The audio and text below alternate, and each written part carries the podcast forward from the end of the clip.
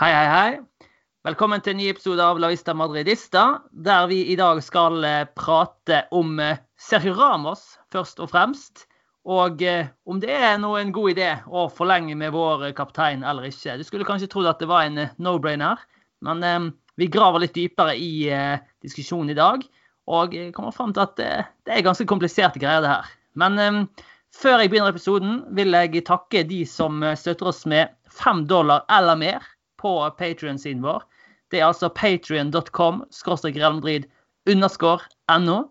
Og det er en side da for de som ønsker å støtte podkasten vår med alt fra 1 dollar i måned opp til 5 dollar eller mer. Det er noen som til og med gir 8-10 dollar i måneden, og det setter vi utrolig stor pris på.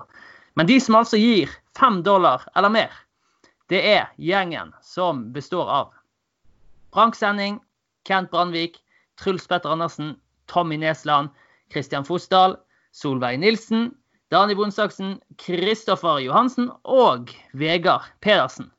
Tusen, tusen takk skal dere ha.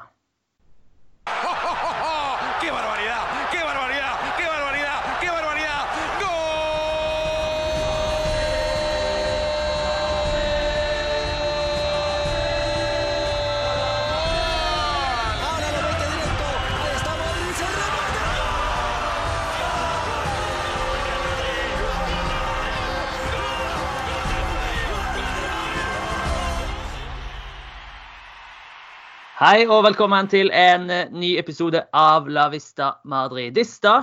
I dag er det søndag 24. mai. Det er kanskje en dato som får til å ringe noen bjeller hos eh, enkelte.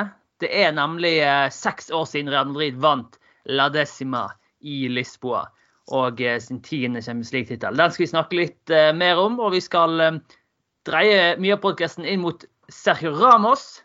Jeg skal fortelle litt mer om hva det går på. Men til eh, å prate om det har jeg fått med meg Mikael Tolstrup og Martin Hellerud. Velkommen til dere to. Hola. Tusen takk.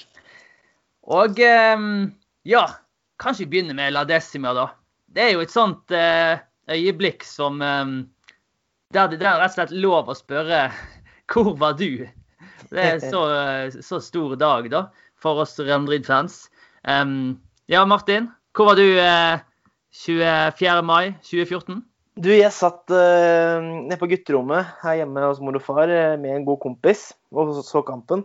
Hadde rigga opp med alt av snacks og skulle ha en ordentlig helaften. Men så, så, så det lenge ut som det skulle gå rett og slett til helvete, da. Ja. Jeg husker selv at jeg sa når klokka viste sånn 91 minutter, så begynte jeg å pakke opp og sa det er faen ikke vits å se avslutningen her, for her taper nå. Det kunne vært farlig.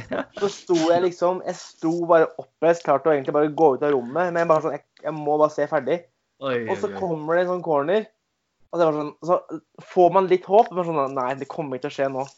Og så ser jeg bare ballen er god. Jeg ser Ramos ta sats. Og jeg får, jeg får gåsehud mens jeg forteller det her nå. Ja. Og så ser jeg ballen lure seg inn i, inn i venstre hjørne. Og, og, fra og med der og kampen ut, så husker jeg ingenting. Resten er historie, si. Ja, resten er historie. Jeg har det litt samme, jeg òg. Jeg kan ikke huske så veldig mye. Sjøl var jeg inne på en eh, Colosseum kino i, i Oslo da. Da hadde sportsklubben samlet eh, både Det var både Real Madrid og Atletico-fans eh, der. Um, det var ganske spesielt god stemning. Atletico-fansen var selvfølgelig klart mest fornøyd mot slutten. Um, og så kommer Ramos. Og, da, som, som, du sier, etter det så er bare alt er litt sånn svart, nesten. Det bare jeg vet bare det var ville jubelscener. Jeg husker jeg klemte folk som jeg hadde møtt før. Og det, liksom, og det er ikke noe jeg eh, alltid gjør til vanlig, for å si det sånn. Så men det, det var helt, eh, helt, enormt. Og Bale sitt mål må vi ikke glemme. Men eh, Mikael, hva med deg? Hvor, eh, hvor så du kampen? Nei, Det var jo ikke noe veldig mye mer spennende historie enn Martin. holdt jeg på å si. Så som lillebror og bestekompis, så det var jo trøkka stemning mot slutten der. Eller litt småforbanna serping med dansblod som sitter og banner. Nei, det er eh, Liverpool-fans og, ja, og, lillebror er Real Madrid-fan. Så det, okay. det, var vel en som var på en måte litt likegyldig til det, og to som var ganske deppa da, før Ramos ja. uh, steg til værs. Og... og så må jeg si det at eh, det, det å følge en sånn kamp, i hvert fall når kamputviklingen er sånn som det, at du ligger under hele tiden det, det Du skulle jo trodd at det, det, å se en Champions League-finale var nytelse. Men det er jo faktisk tvert imot. Det er jo smerte. sant? Ja, det er så vondt. Ja, det er rett og slett dritvondt. Du husker kanskje sjøl, Martin, at altså, bare etter at Casillas gjør den tabben, og de minuttene Det, det er en lang tid da frem mot uh, ja, slutten. og var, det var så måte, ikonisk med at Iker Casillas, altså han som da vi må ikke glemme ja. at på det tidspunktet her så hadde han da vært enda sesong på benken i La Liga. Mm. Eh, man hadde kasta ut Mourinho, som da hadde benka klubbikonet, legenden Casillas. Og så kom Ancelotti inn og gjorde det samme. Ja. Han da kjørte Diego Lopez i La Liga og Casillas i Champions League. Ja. Og så er liksom, finalen er der. Casillas kan være den evige kapteinen som får løfte det tiende Champions League-trofeet. Det trofeet Raúl aldri klarte å vinne. Og så er det han som så regelrett driter seg ut ja. på en corner mot Diego Godin. Og du ser at den spilleren som er mest rutinert, og som har vært med på det i the game her klart lengst, det er han som kaller det bukke under for presset og ikke klarer å, å holde mm. hodet kaldt. Mm. Og det, det, var, det, var, så typisk. Jeg tror nesten jeg er frista til å si at jeg tar et ankelbrudd til istedenfor å oppleve en sånn finale til. du heller det, Jan. Men det er jo deilig på slutten. Det, det må sies. Det er jo det, det, det øyeblikket når Ramos header ballen i mål bak Courtois, som òg er jo litt spesielt nå i ettertid. Men eh, ja, det um, Jeg husker jeg løpte rundt stuemøblene. Ja, ja så, det var, så var det jo en scoring som ut, Det var en utligning, men det føltes jo og var jo en, Det var jo seiersskåringa. Ja, ja, men altså, når, når, han får den i mål der, da har ikke Atletico noe å svare med. Det sier seg sjøl at da vinner Real Madrid. Ja, det er mentalt for tungt, sant? Ja, ja, ja. Det, det, de knekker jo helt der. Det er bare å glemme å komme tilbake fra noe sånt. Og det mest tydelige er egentlig når Marcelo setter inn 3-1. fordi at da bare kan han spasere gjennom hele Atletico, som bare står med hoftefeste og eh, ja. Og, og Atletico var bare helt kjørt, ja. Det, mm, men eh, så vant vi en gang til to år seinere. Altså, jeg må jo føle litt med Atletico-fansen, rett og slett. Altså, det er jo bare Jeg bare lurer på hvordan det hadde vært hvis, jeg, altså, hvis vi sto på andre siden. Tenk åh, oh, nei. Uff. La oss ikke tenke på det. Men eh, Martin, du eh, skrev litt eh, på Twitter om La Decima, da. Du skrev at det er kanskje den viktigste Champions League-tittelen i klubbens historie, var ikke det du skrev? Jeg mener jo det, men så veit jeg jo at det var jo der de størte men jeg skrev det at uh, I dag er det jo som sagt uh, seks år siden Adesima, Decima, men på den dagen det var jubileum for Var det La Septima, altså den syvende trofeet de vant i 1998, så skrev jeg òg at det er et underkommunisert viktig trofé for Real Madrid. For det, mm. jeg føler aldri at jeg hører noe særlig snakk om det trofeet. Mm. Og da hadde du og jeg en liten diskusjon om hva som er det viktigste trofeet. For jeg mener jo at eh, Nå fikk jeg ikke oppleve den sjøl, da. Men jeg ser jo nå, hvis vi bare skal legge fakta på bordet, da. Så en av grunnene til at Ladesma var så stort, det var jo at eh, det var tolv år siden forrige gang eh, vi hadde vunnet Champions League. Det føltes som en evighet. Men fra 1966 til 1998 så vant ikke Real Champions League, Champions League en eneste gang. Og det er 32 år. Så ja. Mikael, hva Martin peker på, La er den viktigste, men den her er sjuende tittelen. 32 år. Det er nok ganske viktig, det òg. Ja, altså Holdt jeg på å si, den er vel kanskje viktigere som sådan, fordi at den er, hvis man skal kalle det da, første i nyere tid. Mm. Eh, mange av de hva skal jeg si, De første kom jo på rekke og rad. liksom. Det kom jo fem på rad, og så kom det en til ikke sånn ekstremt lenge etterpå. og da, ja, sant. Og så var det på 50- og 60-tallet, så det er lenge siden.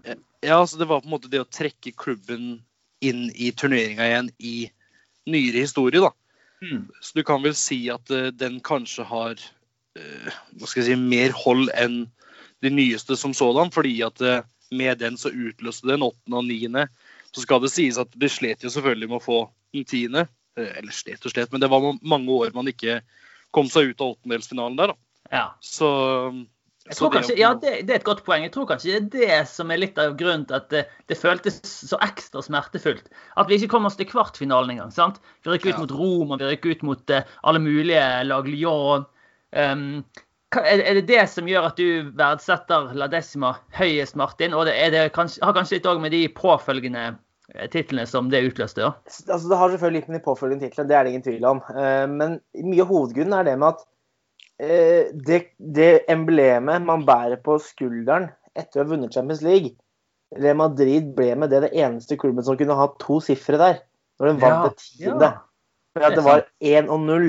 Ja. Det, altså, det, er kun en symbolsk verdi, men det å måtte da få tosifra det gjorde veldig mye. Og det, slik jeg har tolka det, så var det også det som gjorde at det var så ekstremt mange i Spania og spanske fans som var så oppspilt over den tittelen. Ja. altså, ja, tolv år er lenge, men som du, som, altså, det er mange Madrid-fans som hadde opplevd tolv års ventetid, og som mm. hadde opplevd og aldri vært med på en triumf i sitt liv. Mm. Og opplevd mye av de, mange av de 32 årene i forkant av den syvende.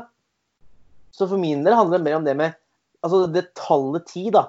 Altså fotballspillere. Hvilke tall er de aller helst som har på ryggen? Kanskje unntatt i Real Madrid, hvor syveren ja. henger så høyt. Da mm. er de nummer ti. Det er ikke magisk med tiertallet. Her. I og med at alle, alle, andre klubber, alle andre lag, alle andre spillere vil ha ti. I Real Madrid er det syveren som er det største draktnummeret. Kanskje er syveren også det viktigste Champions League-tittelen. Mm. Men du skal ikke se bort ifra at kanskje tieren er viktigere grunnet at Real Madrid ikke var så solide i hjemligliga òg, da. Det er òg veldig godt poeng. At du på en måte du får en tittel som er så utløsende som den. Fordi at du sliter i La Liga, Barcelona og Atletico Madrid har begge to vært gode eh, i perioder rundt den tiden der. Da eh, Nå har jeg ikke... Vi hadde vunnet to år før, da. Eh, La Liga med Mourinho 100 poeng. 2012. Ja, to, to år før, men det var den, liksom. Ja. Det, det, var ikke sånn at vi vant ligaen hvert år der. Nå har jeg ikke helt kontroll på hvordan det var rundt den syvende, men uh... Nei, men jeg kan ta Jeg hørte nemlig raskt gjennom For det er en veldig god fyr fra Managing Madrid som heter Eduardo Alvarez. Og han, han jo, har vært med på mye, og han uh, snakket litt om denne perioden her. Um, og han sa det at mellom 1966 og 1985 så klarte ikke Real Madrid å dominere La Liga. De sveit veldig. Mm. Men så kom La Quinta del Bytre så, altså Butragenio eh, og co. Og da begynte Real Madrid å dominere, men så klarte de ikke å vinne Champions League. Og da sa han eh, Eduardo Alvarez at det var mange som følte at når ikke de klarte det engang, så kom det aldri til å skje, og de følte at det var en forbannelse over Real Madrid. Så sånn sett så kan jo Det er jo lett å altså Det er jo litt artig å stille spørsmålet hva ville vært Hva for en ville du helst tatt vekk av de to titlene? Altså hva for noen ville hatt størst største negative effekter av å fjerne den 20. eller den 10.? sant? Det... det, er et veldig godt spørsmål. men noe som, det er som du prater på med Lakinti og Bitre, Du har jo også på, etter triumfen på 1960-tallet Den vant jo den siste tittelen i 1966. Mm. Så kom jo det Real Madrid-laget som, eh, som, ikke nevnes så mye i dag, men som kalles Real Madrid de los Yeye. Så det var egentlig det vi i dag kaller Det var en samlebetegnelse på det vi i dag kaller rock'n'roll-fotball. Altså fotball som går i 100, som er mm. skikkelig morsom å se på. Kamper med masse mål. Mm. Men Real Madrid klarte ikke å få det her ut i Europa. De ja. vant nesten det man, det man, kunne vinne innenfor Spanias landegrenser. De vant Copa del Rey flere ganger, de vant La Liga. Eh, ikke hver sesong, men veldig, veldig veldig ofte. Men i Europa sa det stopp. Og det var jo flere år de vant Uefa-cupen, men det hadde jo ikke nærheten av samme standing. Og så kom da La Quinta de Butre på midten av 80-tallet, men da denne generasjonen på i all hovedsak da, fem spillere som var spanske, mm. som kom fra Real Madrid Castilla. Mm. Med da Emilio Botragueño i lederrollen. Botragueño som på et tidspunkt var eh, den mestskårende spanske landslagsspilleren noensinne. Han var det, og man fikk okay. de her hjem, de fikk de her igjennom i egen akademi. Ja. I et lag med spillere som Hugo Sanchez, Jorge Valdano, altså internasjonale spillere i toppklasse. Valdano var med på å vinne VM i 86 med Maradona, liksom. Mm. Om man ikke da klarte å vinne Champions League, eller da eh, Europacupen, som også da het, så var det nok det at man følte at OK, her, nå går det ikke. Ja. Og så ble selvfølgelig det laget her alltid sammenligna med laget som ble kalt for Di Stefans Real Madrid, som mm. vant fem på rad og ett i 1966. Og da ble det liksom sett på som en enda større skuffelse. For det ble ja. alltid sammenligna med denne, denne årgangen som er umulig å kunne matche. Du kan jo også stille spørsmålet, da. Kommer 11, 12 og 13 hvis ikke du vinner 10? Det er det som. Det er, det er akkurat det jeg lurer på. sant? Hva er det som, For det er jo tre som kommer på rappen etterpå. Og de, hadde de kommet uten nummer altså La Decima? Det, det, det tror ikke jeg. Nei, jeg tror ikke, jeg. Det, tror, tror ikke jeg heller. Nei, ikke jeg heller. Så, men så er jo spørsmålet hadde nummer 10, 11, 12, 13, 14 kommet hvis ikke vi hadde vunnet den sjuende i 1998? Eh, så det er jo eh, Det blir bare spekulasjoner, da. Men det er jo litt artig å tenke på det. Og du, du nevner jo, Martin, Uefa-cupen. det er nesten sånn at jeg tror at uh, Real Madrid er bare fjernet de fra nettsidene sine. Sånn, jeg tror ikke Real Madrid regner Det har de ikke, men uh, det er jo det, altså, den ser ikke på de som det største de har vunnet i klubbhistorien. Men det er klart, når du spiller finaler mot Videoton fra Østerrike, Sveits eller et eller annet sånt, og så spiller du finale mot Köln fra Tyskland Finalene går over to kamper, og du vinner første finalen typ 5-1. Ja. Så det er, ikke, det, det er, ingen la decima eller eh, la duodecima eller lignende hvor du vinner etter tett og jevnt. Mm. Nei, Uefa-cupen det er i hvert fall ikke noe Real Madrid eh, sikter etter.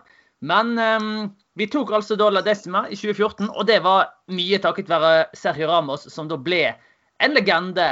Altså, om han ikke allerede var det, så ble han i hvert fall det i det øyeblikket da han reddet Casillas og resten av laget med sitt hodestøt. Um, nå, når vi spoler noen år fram, så er jo Ramos eh, Real Madrid-kaptein og landslagskaptein. Og bare ja, en, en, virkelig, virkelig stor legende. En gigant i, i fotballhistorien, rett og slett. Men problemet er Ramos har bare ett år igjen i kontrakten. Og det er jo um, en grunn til at den ikke har blitt forlenget allerede. Og mange som hører på, tenker kanskje at ja, men ikke bare forleng den, da. Det er, det er, litt problematisk. Og Mikael, eh, du, jeg vet at du er litt, eh, litt skeptisk til det å forlenge kontrakten med Ramos. Eh, hvorfor det? Ja, altså, Skal du følge hjertet ditt, så vil du alltid si at spillerne som har så stor skal jeg si, historie med klubben osv., burde få lov til å legge opp i klubben. Ja, vi er så, store det... følelser, vi er så knyttet til de følelsesmessig og alt, ja. Ja, men også må man på en måte ikke la det overskygge siden om at han skal faktisk prestere òg. Mm. Uh, han er 34 år nå.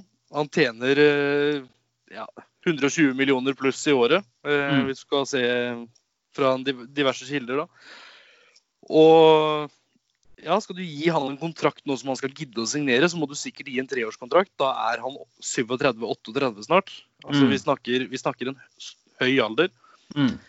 Eh, så jeg sliter litt med å akseptere den med å gi han en ny kontrakt, eh, og spesielt med så mye penger involvert. da. Ja, fordi han er, det, det, er litt sånn usikkerhet rundt om han er den best betalte, eller om Bale og Hazard er foran. Men uansett så har jo han en, en heftig lønn, ja. Og eh, Real Madrid har jo svidd seg noen ganger nå de siste årene med å gi for lange kontrakter til spillere som begynner å bli, bli gamle. Gareth Bale. Ja, Gareth Bale og James Rodriguez nå. Og ja, det, um, det, har jo vært flere tilfeller da, i klubbens uh, historie. Casillas fikk heller ikke noen avskjed. Men Martin, hvor, uh, hvor, står du her? Ramos la decima 2014, hodestøtet som endret klubbhistorien. Ikke nok til å få livstidskontrakter? Når du spør meg sånn, så altså, svaret jeg vil si, er selvfølgelig ja. Rungende, rungende ja. Men her er det veldig veldig, veldig mange faktorer som spiller inn, og jeg er faktisk usikker på om jeg klarer å belyse de godt nok. Men for å prøve å bryte litt ned, da. En spiller som Ramos han er veldig viktig på to områder. Det er både på og utenfor banen. Mm. Eh, siden han kom til, da han kom til Madrid, så var han en høyrebekk med enorm arbeidskapasitet som føyk opp og ned på høyresiden. Mm. Så ble han mistopper. Eh, jeg syns spesielt etter Rafael Varans gjennombrudd da han banket ut PP sånn momentet rundt 2016 så syns jeg Ramos endrer spillestilen sin litt. Og det er veldig tydelig okay. nå at det er Ramos som støter i forsvarsspillet, og mm. Varan som faller av. Det er, det er, godt, det er god observasjon, ja. Ja, det er mm. med andre ord Varan sin rolle som krever bl.a. mest fart. Noe som ja. er veldig typisk at man mister når man blir eldre. så har, har, vi hatt mange mange diskusjoner rundt hvorvidt Ramos er en god midtstopper. Jeg syns han har tatt seg opp hva angår det defensive arbeidet siste i hvert fall sesongen, syns jeg Han har vel sin beste sesong defensivt? Helt enig. Hvis han klarer å opprettholde den trenden og tilpasse spillestilen sin eh, kroppen hans, da, som f.eks. Cristiano Ronaldo har gjort på en enormt imponerende måte, så ser jeg ikke problemet han kan spille til han er 37. Nei, og det er jo nemlig Du nevner tallet 37 fordi at eh, Ja, Mikael nevnte jo òg at Ramos, da, pga. at han har spilt så bra i den siste tiden, Eh, så har han veldig gode forhandlingskort i eh, møte med Florentino Perez når de skal forhandle om ny kontrakt. For jeg tror at det er få som sier at Rendrik ikke skal forlenge med han ett år. Men jeg tror at Ramos vil ha to år. Og eh, det er jo da, Mikael, at du begynner å kanskje mm, ja, altså, litt imot.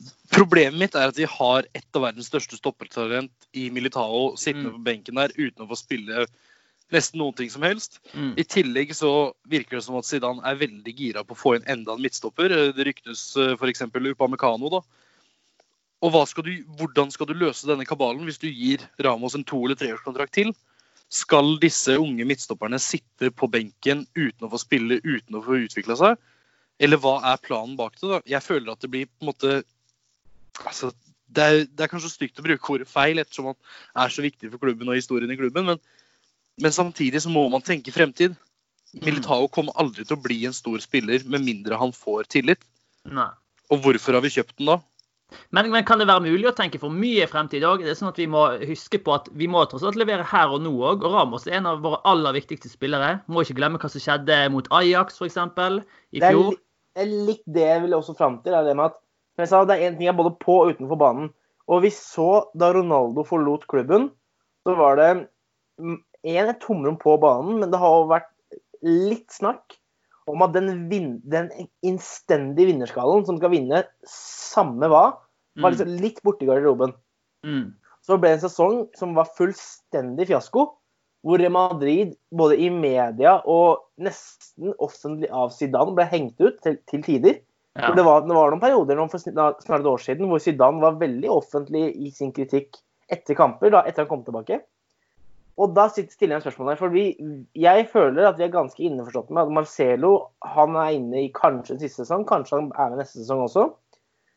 Skal man da si ha det til både kaptein Uff. og visekaptein? Ja, det er brutalt. På så brutalt. kort tid. Og jeg har tenkt på at det er ikke noen andre Altså, i Real Madrid følger man hegemoniet. Så neste kaptein er Varan. Og så, nei, neste kaptein er Benzema. Så er det Varan. Jeg ser ikke på de to som noen utpregede ledertyper. Nei. Der er jeg helt uenig. Det er spørsmål. Frykter du, der, du frykter ikke det, her, Mikael? Nei, akkurat det med å si at Varane ikke er en ledertype som har hatt kapteinsbindet for Frankrike, det syns jeg blir helt på bærtur. Men, eh, men, nok om det. holdt Jeg på å si, jeg er enig i at å selge både Marcelo og Ramos kan være veldig dumt. Og jeg kan være villig til å gi Ramos si en toårskontrakt, men da må Marcelo vekk. Mm. Du kan ikke legge så mye penger i de gamle spillerne, og spesielt en sånn som Marcelo, som ikke leverer på et høyt nivå lenger, når du har en region som leverer ekstremt bra i Sevilla. Du har en Ferland Mendy som har vært solid. Altså, du har jo Hakimi som kan bekle begge sider. Du har Odriozola på utlån. Altså, vi mm. har så mye på backplass der, da, så jeg mener at selv om Marcelo, greit, da kan man beholde Ramos litt til. Ikke at Marcelo har en så enorm kontrakt som Ramos, men, men det er ganske betydelig da, i forhold til hva du har en, eh, har en spiller som region under kontrakt med. da. Ja. Eh, og, så må man kanskje se enda videre, enda lenger inn i troppen òg. Kanskje, kanskje Luka Modric må vekk, da. Ja, og det òg, sant. Vi har et lite generasjonsskift på gang. Eh, Modric, Ramos, Marcelo, Benzema. Eh, vi har allerede mistet Cristiano Ronaldo, Keylor Navas det, er, det kan bli um, ganske mange stygge tap her. og uh, Jeg husker da Ronaldo ble solgt, da, så var jeg en av de som tenkte litt sånn eh, altså, Det er andre som kommer til å ta opp eh, hansken og skåre flere mål. Kanskje ikke 50 mål alene, men at vi fordeler skåringene. Det skjedde ikke. Så Mikael, er ikke litt fare for at, vi, at, det skjer det samme? At vi bare forventer at Varan og Carvahall og, og resten skal steppe opp som kapteinstyper, men så kanskje det ikke er så enkelt? Jeg mener jo at eh, Varan har vært den beste midtstopperen nå omtrent siden han begynte å spille fast i Real Madrid. Så, Men én ting er prestasjoner på banen, og en annen ting er jo hvordan han er i garderoben som kaptein, som leder. Men tror man at Ramos tillater andre å få den rollen, da? Det er et fryktelig godt poeng. Det er et veldig godt poeng. Men litt sånn når jeg prater på dette med Varan og, og ledertype det Jeg har hørt Varan prate på at han ikke er typen som f.eks. tar ordet i garderoben. Ja, han kan spille med bind rundt armen, men det må fortsatt være de spillerne som gjør det.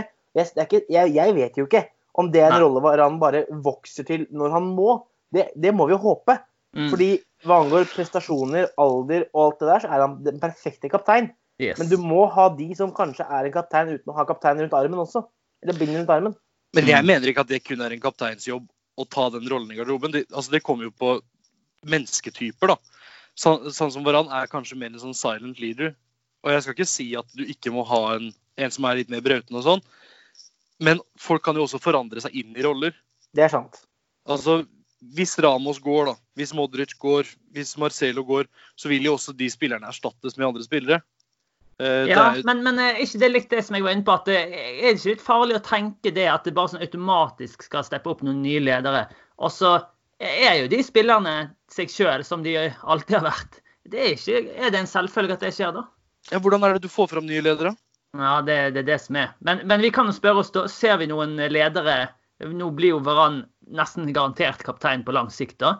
Men hva tenker du om eh, Carvahall, f.eks.? Eh... Carvahall ser jeg på som en god leder, og både hørt og det lille jeg har faktisk sett sånn altså, Jeg har vært så heldig å få bo i Madrid, og da har jeg vært mange kamper, og da ser du liksom litt annet enn det TV-kameraene viser deg. Og det er bl.a. på oppvarmingen til Real Madrid så tenker jeg at du får en viss formening når, det, når du bare ser på hvem som gjør, eh, hvem som gjør forskjellige øvelser sammen.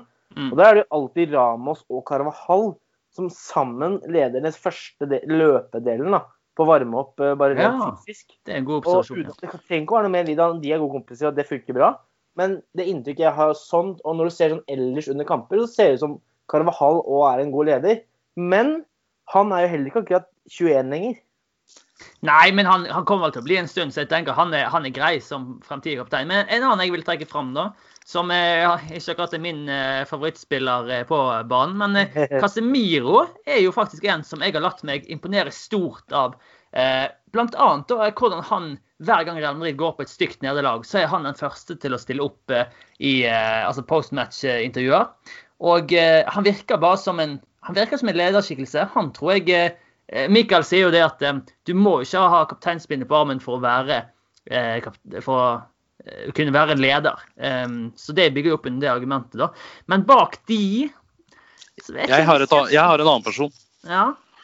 Og det er kanskje troppens minst, eller dårligst betalte spiller nå. Federico Valverde. Ja, det er spennende. Han er ung, men han, du ser potensialet i han. Ja, jeg, jeg tror at f.eks. hvis en spiller som Modric forsvinner, så vokser jo rollen hans enda mer, naturligvis. Mm. Og jeg tror at han kommer til å vokse inn i en type lederrolle der. Uh, altså, han er jo tidvis litt hothead med taklinger og sånne ting, men du ser også han brenner for, uh, for drakta. Altså, han, han, er villig til å gjøre alt, da. Mm. Og, og, han virker som han virkelig har passion for det her. Og jeg tror han kan, uh, med noen år til på baken, tror han kan bli en god lederskikkelse i klubben. Så, så er liksom, Valverde er litt sånn altså jeg har alltid hørt noen som sier sånn med et europeisk alibi at man skal alltid ha en serber i troppen sin pga. deres personlighet. Altså, Uruguay må jo være eh. Sør-Amerikas svar på Serbia. Ja. Og det er sånn, Hvis du ser på spillere som altså En Vik er glad i det hele tatt, Luis Suárez. Ja. Det, han er et vaskete rasshøl. Men han er jo en vinnerskalle uten noen annen verden. Ja, og det er akkurat det der jeg tenkte på med Valverde. Altså, du kan ta ta taklinga på Morata, f.eks. Også eh, en spiller som uh, har òg 30 år, så det er jo vanskelig å vite hvor vi skal sette listen her. da. Men Nacho han har vært i klubben gjennom hele, hele sitt liv. Han kunne jo òg eh, vært en som steppet opp. Eden Nassar, er vel fortsatt kaptein for Belgia, eller har de tatt fra han det? Jeg tror han er det. Jo, men der tror jeg, litt, der tror jeg vi er litt med innenfor det som jeg var så vidt inne på i stad. men at Én ting er å ha det kapteinspinnet rundt armen, en annen ting er å være den som står for rollen i garderoben. Ja, for Hazard er den som han har bind rundt armen. Han, altså han kan bli sparka ned fem ganger på rad, men fortsatt reiser seg opp igjen, klager ikke og kjører på. Mm. Det gir òg en signaleffekt som er Nemlig. veldig veldig positiv. Nemlig. Men jeg tror ikke det er han som f.eks. virkelig tar tak under eh, Som vi så Ronaldo da, eh, under EM i 2016. Jeg husker jeg det var en scene der hvor det var straffekonk, og Joao Moutinho ikke ville ta straffe. Så går ja. Ronaldo bort til han, legger skulderen rundt armen, eller hånda rundt armen på han hånda rundt skuldra på ham og måtte prate med han. Sånn, det her fikser du, det her, det her veit du kan. Og så scorer han på straffa si. Jeg ser ikke for meg Hazard gjøre det der rundt Kevin De Bruyne. Nei, det er ikke sikkert, men det kan hende at han er en leder på en annen måte, som du sier. Og I tillegg til at han har jo mye humor, og kanskje at han klarer å roe lagkameraten på, på, den måten med sin erfaring. Men, eh, men ja, det, det, mange, høres ut som det er mange spillere vi tror kan bli ledere. Men det er ikke sikkert at de blir det. Og eh, så vil jeg òg nevne det Jeg så et lite intervju med eh, Carlo Ancelotti da, med Jamie Carriger. Mm. Og da eh, var de litt inne på det med at eh, Ramos som leder var så viktig for laget. Han motiverte de rundt seg. Han var altså, the character som, som eh, Ancelotti brukte. Eh, og eh, når jeg ser på Ramos Jeg ser på de treningsbildene han legger ut nå i koronatiden, og så ser jeg på hvordan han, han krever å ta straffer, krever å ta frispark, og han skal alltid være helten, løpe fram på, på enhver mulighet der går an å skåre. Jeg lurer på om kanskje Ramos sikter på å bli en ny Maldini. Jeg tror ikke sikker på om Ramos har tenkt å gi seg med det første. Eh, hva tenker du om det, Mikael? Hadde du vært åpen for eh, tror, tror, du det er mulig at han klarer det? Spillet han er 40? Ja, altså det er vel få andre midtstoppere i en alder av 34 som har den kroppen han har. Ja. Ære være Ramos for det arbeidet han legger ned. altså Det er jo helt vanvittig. Og det, jeg har ikke noe problem sånn med at han forlenger kontrakta mi igjen. Men jeg, jeg, må bare på en måte få, få presisert det at det, Ja. det må ikke nødvendigvis være at han skal starte. Nei. Altså Hvis det går an å beholde Ramos utenom at han på død og liv skal starte hver eneste kamp, for det kan Mm. du ikke jo eldre du blir heller, så Mm. gjerne forlenge den pga. lederskikkelsen, pga. kapteinen, alt det der. da. Mm. Jeg syns det, det er et godt poeng, det her. Altså, eh, vil Ramos akseptere å sitte på benken, Martin? Det er jo Real Madrid har jo hatt for vane å ikke ta et skikkelig godt farvel med legendene sine. Og du kan kritisere Real Madrid mye for det. Men det handler òg om at eh, hvis du skal kvitte deg med en legende på en god måte, som Xavi da, eller Girard og de, alle som har fått eh, en god avskjed i sin klubb, de har jo bestemt seg sjøl. De har sjøl tatt valget.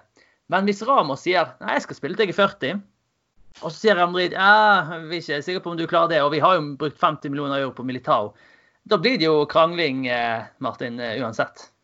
Det blir det. Ehm, Jeg ser ikke for meg at Ramos er den som sier at OK, nei, nå klarer jeg ikke mer. Jeg, det her er siste sesongen min. Jeg legger opp. Ha det bra. Takk for eh, Mm. ja, om blir 15 eller 20 eller 10 eller hva det blir for noe. Eller det blir ikke, i hvert fall ikke 10. 15. 15, 16, 17, 18, 19, 20 fine år. Jeg ser for meg at han er med, ikke, ikke er sånn. Du tror at han kommer til å insistere på å fortsette? Jeg tror det. Eh, Ja. Rett og slett fordi at du blir ikke så god og spiller på det nivået du gjør, uten å ha en så enorm vinnerskalle og ha det vanvittige egoet som du må ha for å ha den vinnerskallen som det Sergio Ramos faktisk har. Mm. Når det er sagt, så er det som du sier her, hvis du får beskjed om at nei, men vi har henta Militao, vi, vi tror egentlig ikke du kan holde så veldig mye mer. Når du har den vinnerskallen, så er det ikke så veldig uvanlig at det da går en, en liten faen i deg. Så Ja. Nå skal jeg virkelig vise dem. Mm. Og jeg, før vi spilte, eller før vi tok opp podkasten her nå, så fikk jeg opp siden med spillere med flest kamper for Real Madrid. Ja. Og der ligger Ramos 101 kamper bak Raúl. Oi, oi, oi. Mm. Det, det vil, altså, det det, Ramos, si ca. to sesonger, hvis han spiller alt. ja, og Ramos han er klar over disse rekordene. Han er veldig klar over de. Han, nå tok han jo akkurat over Iker Casillas, hva angår eh, den spilleren med flest eh, kamper for det spanske landslaget. Og så mener jeg òg at han har allerede bedt Nå skulle egentlig OL vært avholdt denne sommeren her. Ja, det, det, det var, men han, han ba jo om å få spille Ja. OL. For han vil Ja. vinne også den tittelen med det spanske landslaget. Ja, og ikke det er et eksempel på at Ramos han vil vinne alt. Han vil ta alle rekorder. Helt riktig. Så altså, selv om det egentlig ikke er mulig, så kan jeg fort se på at han bare sånn Jeg skal virkelig vise dem, og at han kanskje lever ja, altså kanskje lever enda mer profesjonelt nå som 34-åring enn det han gjorde som 24-åring. Men jeg tror òg at det kan ja, det kan slå positivt ut i den retningen, som du sier. Men jeg tror òg at det er det som gjør at Ramos aldri, nesten aldri, vil akseptere en benkrolle, da. Da må Eh. han være som du prater på med Maldini-rolle, da må han være 42 og ha spilt i nesten Altså Hvis han spiller i åtte sesonger til og er 42 og fortsatt måtte holde et visst nivå og måtte merke at ok, nå begynner beina å gå veldig sakte At han da sånn OK, greit. Jeg bare, jeg bare, tror, ikke at, eh, jeg bare tror ikke at Ramos kommer til å tenke at nå, nå, er det, nå gjør jeg det dårlig, nå er det på tide å gi seg. Jeg tror han vil tenke istedenfor nå har jeg underprestert, men jeg skal komme tilbake. Jeg skal vise dem. Det som bekymrer meg litt, da, det er at eh, vi må ikke veldig mange år tilbake i tid for å finne eh, en periode hvor Ramos brukte Manchester United som forhandlingskort for å få høyere lønn. Eh, Det er sant. Og hvis Ja, han, det var nå, da, tydelig òg, ja. Mm. ja, og hvis han nå da skal få en treårskontrakt med enda høyere lønn eller tilsvarende lik lønn, er det verdt det for Real Madrid? Ja, fordi at du, som vi sa, 37 år når kontrakten går ut, til og med for Ramos, så er det ganske mye. Men jeg vil òg fortsette på et eh, nytt poeng, da. Um, erstatteren til eh, Ramos, det blir Militao. OK. Det, jeg har egentlig troen på Militao. Virker som du òg har det, Mikael. Martin, hva tenker du om Militao raskt? Jeg har troen på Militao som midtstopper, men jeg har ikke troen på han i Real Madrid. Oh, ok. Du kan få utdype det etterpå. Men eh, en, en ting som jeg syns er minst like interessant som at Militao skal Altså, Det er jo lett å tenke at det er Militao som skal erstatte Ramos. Men det er jo egentlig Varan på en måte som skal erstatte Ramos, i hvert fall som lederen i Midtforsvaret. Og nå har vi snakket litt om hvordan han er som leder, kanskje i garderoben. Han har i hvert fall vært kaptein litt for Frankrike. Men Varan uten Ramos, Mikael, hva, hva syns du da? Har, eh, det er mange som har vært kritiske til Varan når han har vært nødt til å spille ved siden av Nacho eller Militao eller andre stoppere. da. Hva tenker du? Og PP, hva tenker du om det? Det viser jo bare hvor fort folk glemmer. Hvis du går ja. noen eh, år tilbake i tid, så var jo Varan og Nacho det midtstopperparet i Europa som holdt uh, færrest baklengsmål imot seg og holdt nullen flest sammenhengende minutter. Mm. Ja, det er i så fall jeg òg Ja, så det, det viser jo bare at uh, man husker ikke så langt tilbake i tid. Men jeg tror at vi, vi må ikke være så dumme at vi tror at Varan kommer til å bli Ramos. Han, han, kommer ikke til å bli en støtende type. Han kommer ikke til å bli den som står og gaper på Gud og hver mann på banen. Det, det skjer ikke. Mm. Varan kommer til å trenge en Ramos-type ved siden av seg. Mm. Da, da, da, mener jeg ikke nødvendigvis ledersiden. Det kan godt være at han tar over den med å korrigere forsvaret og alt det der. Men han trenger en som er mer aggressiv enn han, da. Mm. Han, han, må på en måte ha den støtende fyren ved siden av seg, for, for Varan er mye bedre som den som sikrer. For Varan er, er omtrent den beste som sikrer. Det er ikke mange som er raskere enn han og bedre i den rollen. Nei, nei jeg jo mener han er best. Men selvfølgelig, det er jo en diskusjon uh, ja, ja. folk sikkert er uenig i. Um, ja, men uh, det, det, er godt poeng. det, så Spørsmålet om Militao kan klare det. Uh, men Martin, hvorfor har du ikke troen på Militao i Real Madrid? Nei, Det er egentlig akkurat det Michael tar, tar opp nå. Det er at Nå har vi riktignok fått sett veldig veldig lite av Militao denne sesongen. her overraskende lite, mener jeg. Ja. Men eh, altså jeg, For meg virker det litt som Militao ikke helt har funnet ut av sin rolle. Om han skal være aggressiv eller om han skal være en fallende stopper. Han faller litt imellom. Ja, den ene kampen så kan han bare spille aggressivt. Og da skal han selvfølgelig han skal vise seg fram. Det er i 100. Og da han, spiller han litt for hardt og blir litt ny frispark og gule kort. Andre kampen, hvis han kanskje da blir brukt sammen med f.eks. Nacho, så skal han falle av. Ah. Og jeg syns at jeg har likt best Militao når han har vært en såkalt fallende stopper. Ok. Og det er det, der det kommer inn for meg. med at ja, De kan ikke ha to stykker som spiller på akkurat samme måte. Det du tror ikke han vil utfylle hverandre? Nei. Jeg, jeg, jeg, tror ikke han blir en fallende stopper. Hvis du ser på tiden hans i Porto altså det, Vi snakker om en spiller som dribler som bakerste mann. altså. ja, ja, absolutt, absolutt. Der, der, har vi Militao, og der har vi faktisk Gram også. Mm. Men, men, samtidig så er ikke jeg 100 overbevist jeg heller om at Militao er the guy. Mm. Nei, litt det jeg skulle inn på, er at hvis vi bare, Nå er vi 2020. Se for oss at Ramos holder ut i to sesonger til. Han, mm. er på, han spiller knall fast. Um, og han tar over de rekordene hva angår mest kamper i Madrid etc., etc., etc. Kanskje leder han i Madrid enda en Champions og får da den femte der også, så får han fint mm. tall. Men så sier enten han ha det, eller så sier Perez at nå må vi ha inn noe nytt. Og da kommer vi inn, kommer vi inn på en annen ting som jeg synes er litt interessant og litt skremmende. Og det er det faktum at Mino Raiola begynner å få et bedre forhold til Real Madrid. Han ah. har spiller i troppen, det er Alfons Areola. Mm. Hvilken midtstopper, som da vil være et par og tjue, er det som har Areola som agent? Jo, Mateus Diller. Ja. Mm, riktig. At du tror at Real Madrid da kan være interessert i å hente han. Men, men du, virker som du var du negativ til det? Du ser det var litt farlig, eller? Ja, det er mest fordi jeg, veldig, jeg har veldig sansen for, for Raiola. Ja. Jeg syns han er eh, litt vel eh, skjev til min smak. Ja. Jeg, har, men, jeg, har, en eh, annen jeg kunne tenke meg, da. Ja. Han spiller faktisk i vår erkerival Barcelona. Oi, hvem da? Jeg er en spiller som de siste åra har fått mindre og mindre spilletid etter å ha levert fantastisk, og det er Umtiti. Ja, han, og snatche han ved siden av hverandre. De har jo tidligere bevist, f.eks. i VM, at de er mm. fantastisk gode sammen. Det er jo faktisk eh, bra shout, men det er dessverre ganske usannsynlig. da. Men eh, ja, Umtiti var jo så hypet opp en stund, eh, og nå har han nesten blitt glemt. Men er det pga. skader, eller? Ja, Han var jo skada i ni måneder eller noe, var det ikke det? Ok, ja. Det virker som at det er det som er hovedgrunnen, da. Um, men ja, Real Madrid har jo faktisk brukt 50 millioner euro på Militao. Og er ikke det et signal fra Real Madrid om at vi sitter nå og tenker på fremtiden. Vi, Om ett til to år nå så skal det skje et bytte på å stå på plass. Altså, Det ville jo vært helt hodeløst å kaste inn 50 millioner uten å ha noen plan for det. Mm. Så, så det, det, lukter jo på en måte at Ramos eh, går mot eh, slutten. Ja, og, og, da tror jeg jo da at oh, altså de, For de siste tolv månedene av kontrakten til Ramos, uansett hva tidspunkt det er på Hvis Ramos da er motvillig til å dra, ja, det, det, det, tror jeg kan bli ugly. Og da kan vi få en uh, situasjon som vi har fått før, der en, nok en Real Madrid-legende forlater klubben på ah, altså med, Gjennom bakdøra. Gjennom bakdøren, og ja, med, rett og slett med, med ond smak i munnen. Og det er, ikke, det er, absolutt ikke noe vi vil ha med, med Ramos. Men kunne det vært løst på en annen måte? Kunne Ramos ikke blitt tilbudt noen ny kontrakt nå, men at man hadde gått i forhandlinger med når kontrakta går ut? Altså, her, her er tilbudet ditt. Vi vil gjerne ha deg med videre. Du får ett og ett år av gangen. Klarer du å holde oppe prestasjonene, så får du mm. det. Altså, Da er det ikke sånn at Real Madrid forsøker å selge den på død og liv. Mm. Og valget står på en måte hos spilleren. da. Mm. Ja, altså, det, ja, fortsatt Martin. Det som jeg ser på som den ideelle løsningen, det er jo løsningen man prøvde å få til med PP. En såkalt ja, ja. 1 eh, pluss 1-kontrakt. Mm. Du har en kontrakt, og så er det en, eh, en, forlengelse som ligger inni den kontrakten du har nå. Mm. Da, for å få den, så må det fylles ut enkelte kriterier. Om det er minutter spilt eller hva det er, det vet ikke jeg, men jeg antar det er kamper og minutter spilt. Klarer du å opprettholde det, med andre ord er god nok, så får du en sesong til.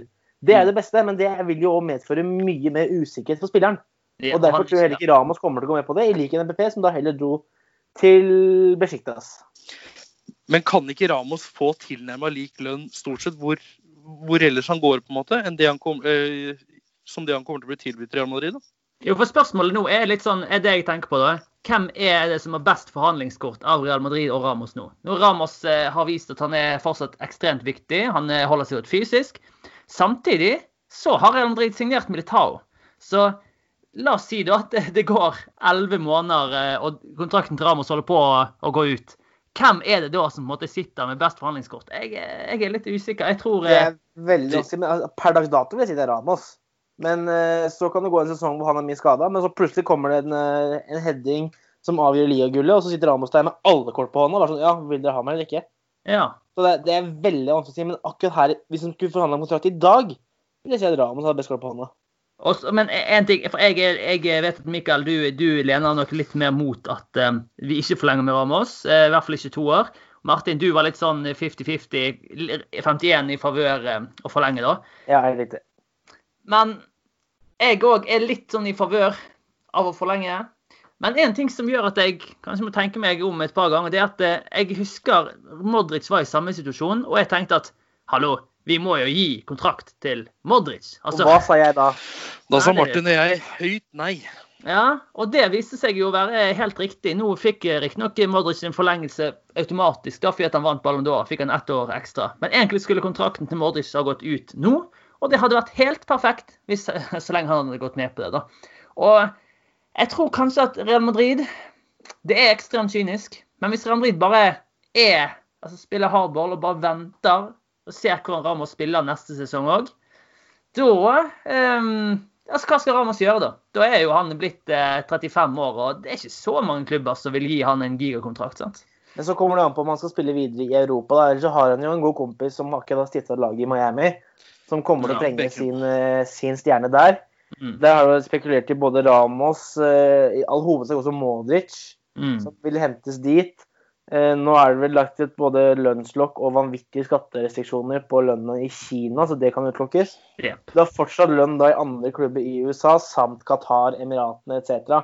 Mm. Så kommer de an på da Altså, Vi må ikke glemme det, et annet aspekt ved fotballen her. at Ramos, som er familiefar, han ja. har vel tre barn som alle er født og oppvokst i Madrid. Yes, yes. Vil han dra de ut av landet? Det og de er små. Er på. Og de er små i tillegg. Det er vel, ja, Ingen av dem har fylt ti år, tror jeg. Ja. Jeg ser ikke for meg at Ramos er, jeg ser egentlig ikke for meg at Ramos drives så mye av penger. eller Han drives i hvert fall i mer av anerkjennelse og oppnåelser og trofeer og prestisje. Eh, og da er jo Real Madrid klubben å være i. Så ja, så sånn, nå har vi jo um, ja. Han har vel så mye penger uansett. Han han får vel ikke brukt opp om han så hadde lyst til det. Så om man da får en null til på den lønningsslippen, så har ikke noe å si sånn reelt sett. Nei, det har ikke det. Men jeg, jeg, tror jo man kan ha en god løsning ved å forlenge Ramos videre. Det er at uh, stort sett i La Liga så spiller ikke Ramos. men han spiller mot Barcelona, han spiller mot Sevilla, han spiller mot Atletico Madrid. Han spiller Champions League. Fordi hvis det er én ting som driver Ramos, så er det disse store oppgjørene. Yes. Det, og det er også én ting som måte trekker ned på Ramos. Det er Rayo Vallecano øh, på bortebane en kald øh, lørdag, liksom. Det driter han i, for å være helt ærlig. Klokken fire, ja. ja altså, jeg husker det så frist i minne òg. Real Madrid kjørte over Rayo Vallecano en gang jeg var og så på på stadion. Og Ramos får rødt kort etter 16 minutter. Ja, nemlig. Ja. Eller 12 minutter. Eller. Altså, han, han kunne ikke brydd seg mindre. Han er, han er, i hvert fall en som, eh, og egentlig litt i likhet med resten av Real Madrid, eh, han er en spiller som eh, hever seg veldig i forbindelse med de største kampene. Og så kan du diskutere om det er en positiv ting eller en negativ ting. Så um, det er vel litt av begge deler, da. Men hvis vi skal prøve å komme til en konklusjon her, da. Nå mener jeg vi har dekket her veldig grundig og godt. Um, da, da, har vi litt flere alternativer, da. Um, jeg er litt spent på å høre hva dere nå uh, har konkludert med, om dere har endret mening og hva dere står for. Men eh, da er det jo enten å ikke forlenge med Ramsey i hele tatt. Da går kontrakten ut neste år når han er 35. Gi han ett års forlengelse. Da med en risiko at han ikke godtar det. Eller gi en toårsforlengelse, som han sikkert kommer til å kreve. Eh, kan begynne med deg, Martin. Hva, hva tenker du etter, etter, alt det vi har Som jeg har sagt, det ideelle ville vært en 1 pluss 1-kontrakt. Det kommer han ikke til å gå med på. og Da syns jeg at Real Madrid skal gamble de har gitt vært, de, har, altså de har driti seg ut på å lage kontrakter med spillere mm. som Gareth Bale. Eh, man har vel til dels tabba seg litt ut med å ha Modric såpass lenge òg. Mm. Da mener jeg man kan ta den risken når det er snakk om kapteiner og alle kapteiner ser Harama, så man kan gi han en toårskontrakt. Du tenker at, du tenker at, det, at vi burde gi han toårskontrakt? Ja, mm. altså, så det kommer han til å kreve. Da syns jeg OK, greit. Ok. Men det hørtes ut som du, du, bygget litt opp som at jeg forventet du egentlig skulle si motsatt, men uh, OK. Jo, altså, jeg er veldig som sagt, det er, det er ikke mye som skal til for at jeg egentlig er på andre sida. Du kan godt være du spør meg i morgen, så jeg har en annen mening. ja. Men uh, det er mm. veldig veldig mye på det han går på, som er hva han går utenfor banen, som han er så ekstremt viktig. Ja, OK. Eh, Mikael, hva tenker du? Maks ett år. Maks ett år. Ja, sånn jeg tenker nå, da. Og da, eh, hvis jeg skal komme med min mening, så jeg tror at Real faktisk har overraskende gode forhandlingskort her. Og at eh, de, de, har veldig lite å tape på å bare vente ut. Gi, si Ramos, eh, du må bare vente litt. Og det er, en, det er, svær, det er ikke bare bare det å be Sergio Ramos om å vente. Men eh, og maks gi ett år, ja. Jeg tror hvis Real gir han De står på ett år.